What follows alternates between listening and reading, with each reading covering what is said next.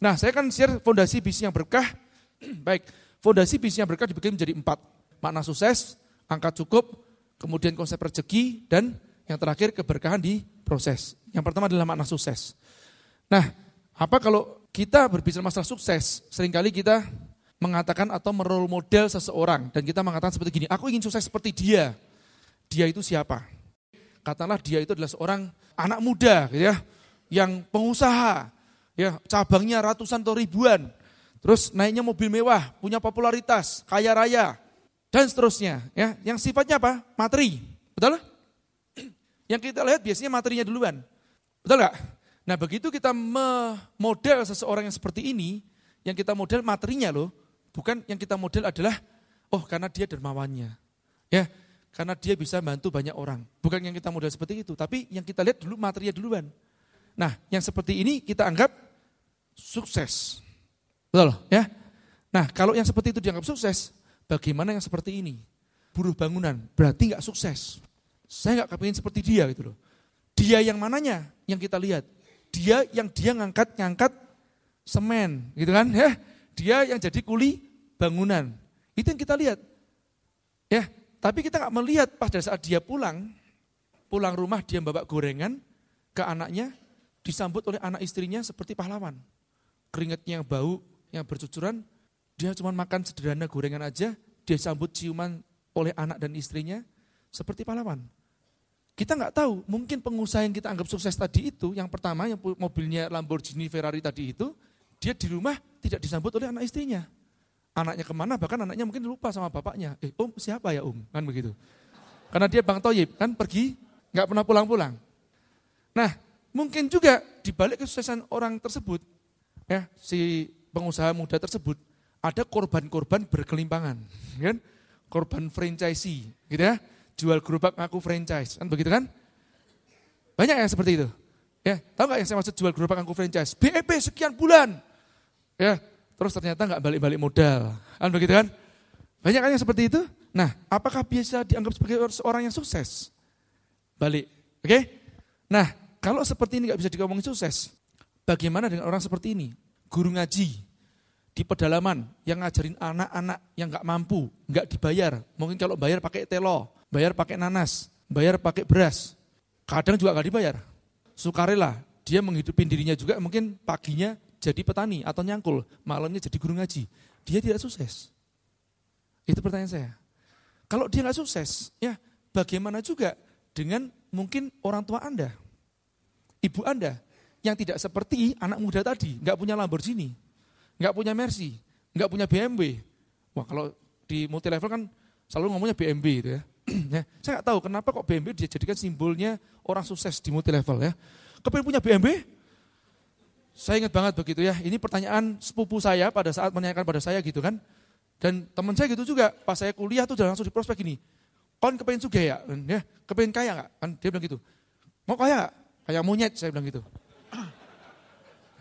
Ya dasarnya memang saya tidak dididik orang tua saya sejak kecil untuk didoktrin jadi orang kaya. Tidak seperti itu. Meskipun orang tua saya mengatakan begini, ya ingat jangan ulangi kesalahan papa. Lebih baik kamu kecil jadi bos daripada gede jadi kuli.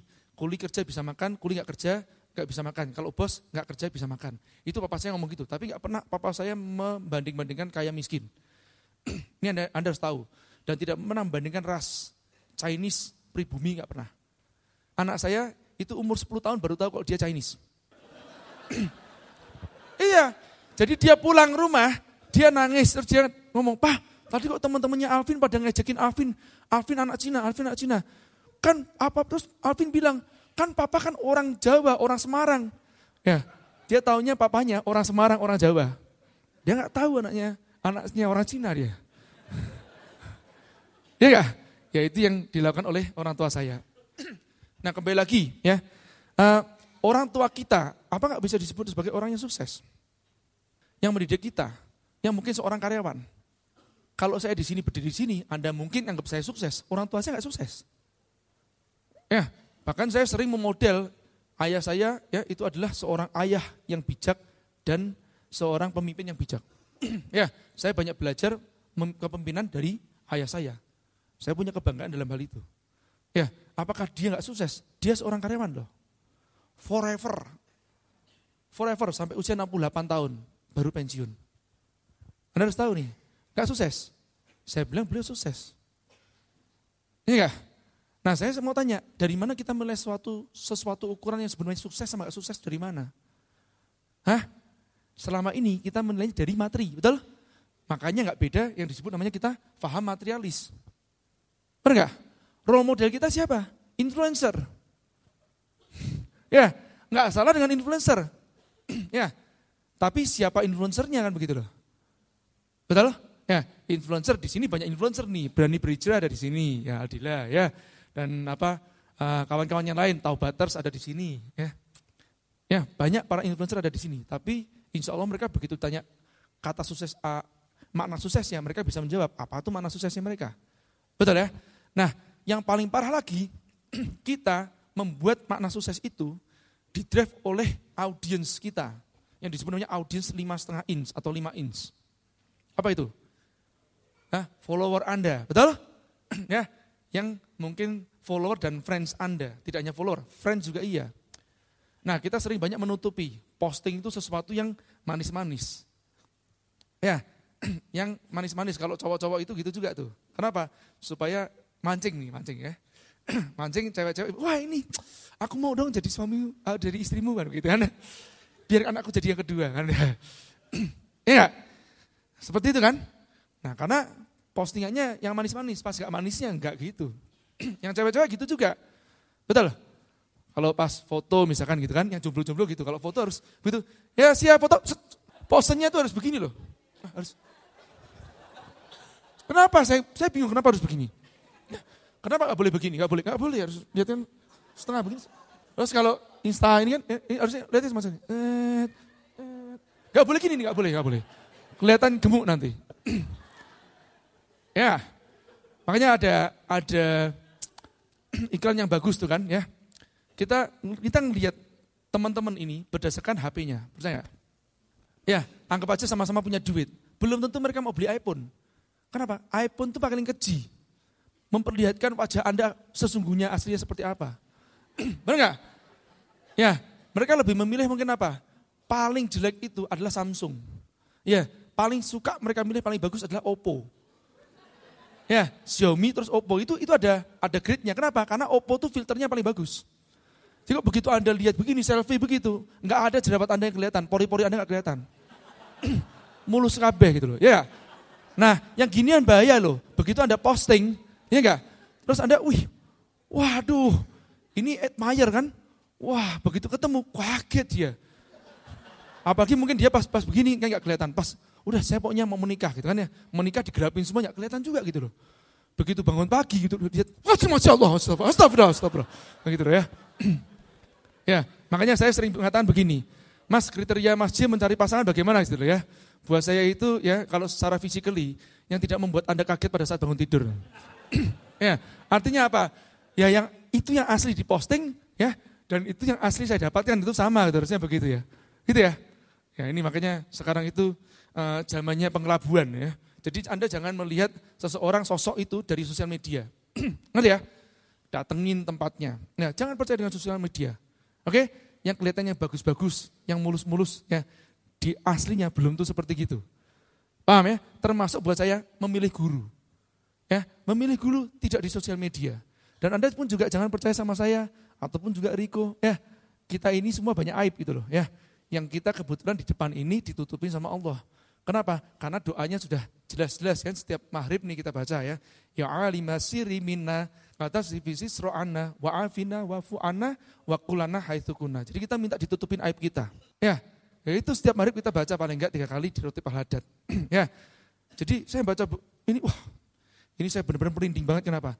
Karena kalau ini dibukain aib kita, uh nggak ada yang nonton semuanya. Adanya datang ke sini ludahin saya semuanya, ngencingin, ludahin, lemparin semuanya. Benar? Kita ini bisa berdiri tegak karena ditutupin aib kita, benar nggak? Ya makanya sudah nggak usah pakai role model yang masih hidup, buat saya gitu. Cari role model yang sudah mati aja. Ya enggak? Ya, kalau bisa role modelnya ya tentu aja para nabi, para wali. Paham ya? Yang jelas itu sudah dijamin gitu loh.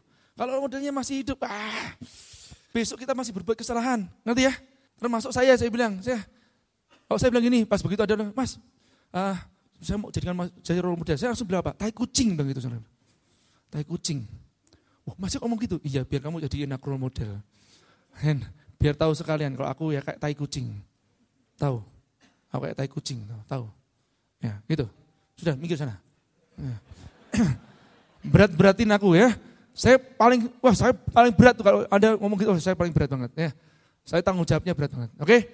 Nah, dan jangan kita uh, membiarkan orang lain juga mem memodel kesusahan kita. Makanya saya suka nih dengan guru saya. Guru saya secara langsung, selain ABG tentu aja, saya itu kalau ngomong ABG itu, adi beliau itu nangis, saya di belakang juga nangis, teman-teman. Ngerti? Karena saya ini kalau ngomong ABG ini, ini mata saya udah mulai keluar nih, ya berat. Sama karena beliau ini adalah sosok role model yang memang terjaga itu. Memang terjaga. Kita nggak nggak nggak bisa ngelihat fisikalinya begitu aja ya. Ya, datengin aja. ya, datangin Anda akan mengerti seperti apa beliau itu. Ya. Nah, makanya kalau saya ngaku guru, beliau guru saya, mungkin saya belum tuh diaku sebagai murid. Eh, nah saya aja minta nomor HP-nya aja nggak berani. Bener, tanya sama Naja, saya aja minta nomor HP-nya aja nggak berani.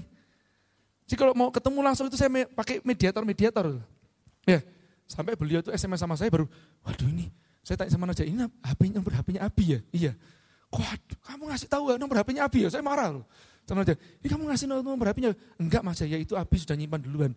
Eh sudah, tak simpen gitu ya. Nah saya udah takut banget itu kan. Terus didoain sama Abi, ya. Doanya saya juga gak paham, saya cuma ya amin gitu aja. Terus, baru besoknya tanya sama Ustadz Zaki ada di belakang Ustadz Zaki ya. Ustadz ini artinya apa gitu ya. Baru Ustadz menerjemahkan. Ya. Oke kembali lagi ya teman-teman. uh, guru saya satu lagi ya namanya Bob Sadino. Anda tahu? Om Bob. Nah saya suka dengan Om Bob itu apa? Om Bob itu adalah orang yang cuek dengan penilaian orang lain. Termasuk bagi sebagian Anda mungkin mengatakan seperti gini. Dulu saya kalau saya cerita tentang Om Bob, sebagian ngomong seperti gini. Masih kok punya guru ya yang diagung-agungkan, yang diomongin, itu seperti Om Bob, orang yang buka aurat. Kan begitu? Nah, saya bilang gini, saya itu memilih beliau itu bukan karena masalah buka auratnya itu loh.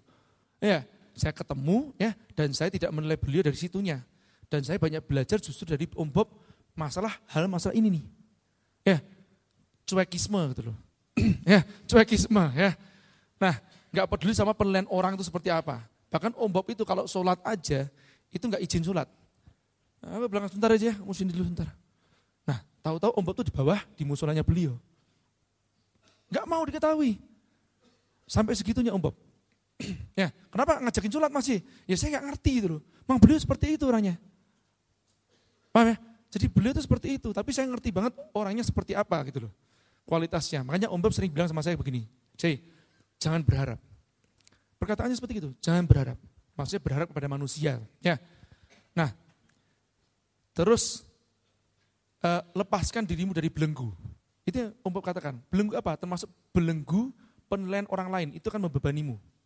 Begitu kita mau melangkah, kita mikirnya itu sukses itu karena dinilai sama orang lain, itu berat buat kita. Bebaskan hal itu. Oke? Nah, itu yang saya suka sama Om Bob. Jadi suatu saat, pada saat penulisan bukunya Om Bob, kebetulan saya dipanggil karena saya memberikan judul buku Belajar Tanda Petik Goblok dari Bob Sadino. Itu judulnya yang saya berikan kita diundang sama-sama. Tahun saya lupa 2007 2008 mungkin 2009 ya, 2009. Setelah buku saya The Power of Pepet baru bukunya Om Bob.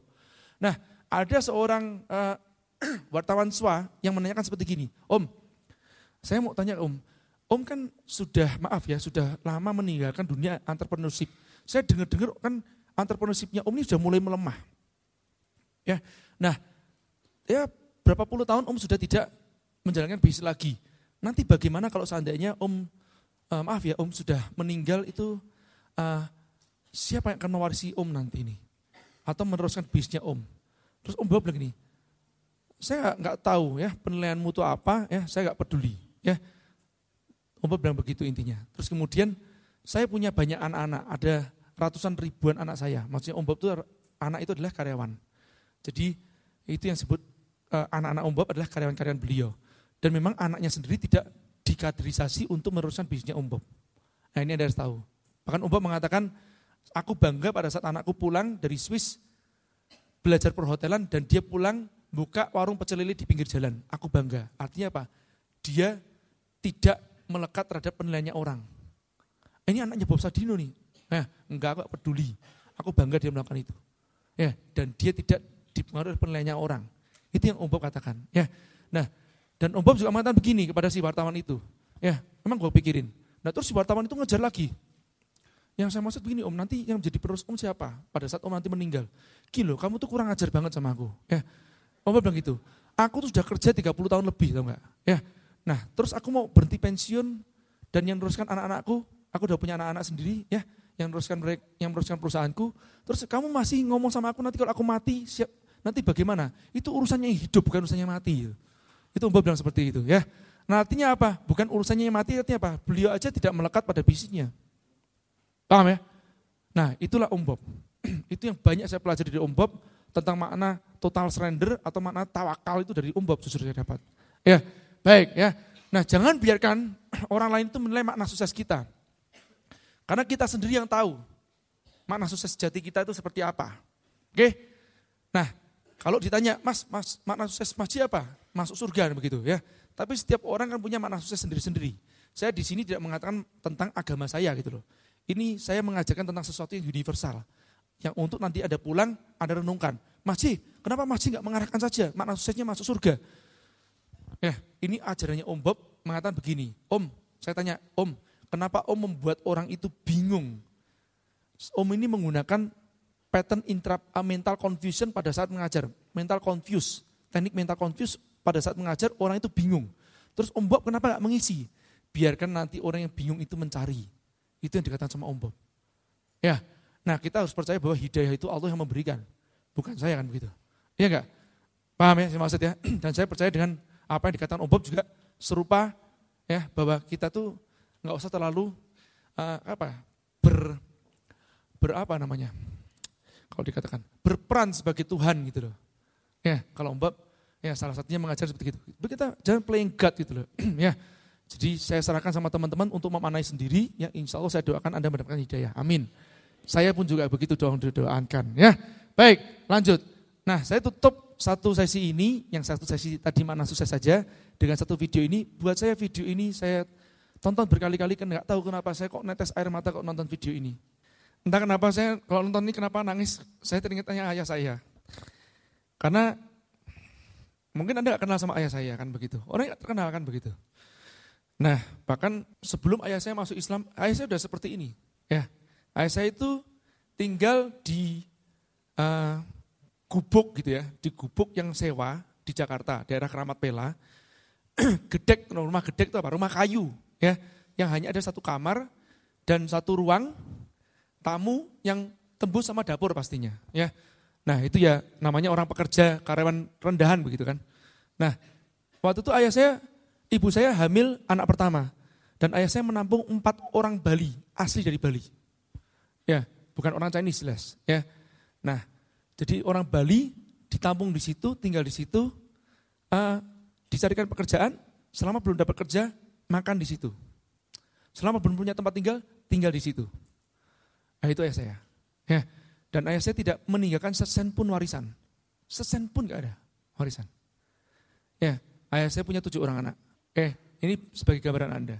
Setelah ayah saya meninggal, saya sempat datang ke tempat salah satu orang yang ditampung. Ya, yang ditampung di tempat saya namanya Om Budiarse. Ya, Budiarse artinya ini memang orang Bali. Ya. Ada yang diasuh sampai uh, menikah usia 35. Jadi disekolahkan sama ayah saya di Akademi Farming. Kemudian uh, sampai menikah ya. Jadi sebelum menikah yang ikut ayah saya. Ya. Uh, di apa ya apa namanya dikaryakan disediakan tanah untuk digarap gitu ya. Karena kan di pertanian. Nah sampai menikah baru keluar rumah ya. Sekarang masih ada di Bali ya. Nah jadi yang satu tadi itu Om Budiarse itu pas saya datengin uh, yes, tinggalnya di Citra Grand Cibubur ada tahu ya kira-kira ya perumahan Citra Grand ya cukup lumayan nah beliau kalau ngomong seperti gini Jaya ini setelah ayah saya meninggal. Papamu adalah orang yang paling dermawan yang om pernah kenal. Bukan karena papamu itu orang kaya. Justru karena papamu itu ya orang biasa-biasa aja tapi mau ngasih terus sama orang. Nah itu yang yang beliau yang ngomong seperti itu. Dan Om Budi waktu itu juga ngomong begini. om ini saya sama om yang lain ada beberapa om namanya Om Alit dan om yang lain-lain yang ditampung itu, itu berempat ditampung di situ dan papamu seorang karyawan. Om juga kadang bingung, papamu dapat duit dari mana? Kalau pulang itu, itu uh, Kak Kimti, Kimti itu nama mama saya. Ya. Papa saya uh, dipanggil Om apa dipanggil Willy, namanya Willy Ong Jun Sing. Ya. Mama saya Ui Kimti, panggilnya Kimti. Nah, Kak Kimti itu, itu kalau pulang itu kita ditanyain, ah, udah pada makan belum? Udah pada makan belum? Dan itu mama, apa mamamu tuh ya, kalau masakin babi-babi itu kan enak-enak bilang gitu kan. itu cerita seperti itu. Ya, itu mama saya dan papa saya. Ya, ya alhamdulillah saya punya orang tua yang pemurah dan itu yang saya banggakan. Meskipun tidak sesen pun warisan ditinggalkan kepada kita. Ya. Nah, saya meyakini satu quotes ya, kita lebih baik tidak terkenal di dunia tapi kita terkenal di akhirat. Betul? Baik. Nah, jadi apa makna sukses kita? Ini yang perlu kita tanyakan malam hari ini. Betul? Yang perlu kita tanyakan, kita tuliskan, apa sih makna sukses kita itu? Nah setelah kita bicara masalah makna sukses, baru kita nanti bicara masalah angka cukup. Ya, makna sukses adalah fondasi paling bawah. Itu harus kita deskripsikan. Apa sih yang kita akan kejar itu? Ya, Nah, mungkin susah bagi milenial untuk menentukan itu. Tapi nanti Anda boleh sharing dengan Gazan. Gazan juga milenial. Dan sepertinya Reza masih milenial juga masuk ya. eh, tahun berapa? 90, dia berarti masih milenial juga. Tapi Anda nanti bisa cek Gazan dan Reza bagaimana mereka ini value-nya. Nanti Anda bisa ukur. Pada saat mereka presentasi, vibrasinya bagaimana ya. Anda bisa ukur sendiri. Makanya saya sering mengatakan begini, belajarlah dari yang, ini ayah saya juga mengatakan, belajarlah dari yang tersirat, bukan tersurat, bukan terucap, tapi apa yang Anda rasakan. Ya, karena bawah sadar itu menangkap kesan, bukan sekedar pesan. Oke?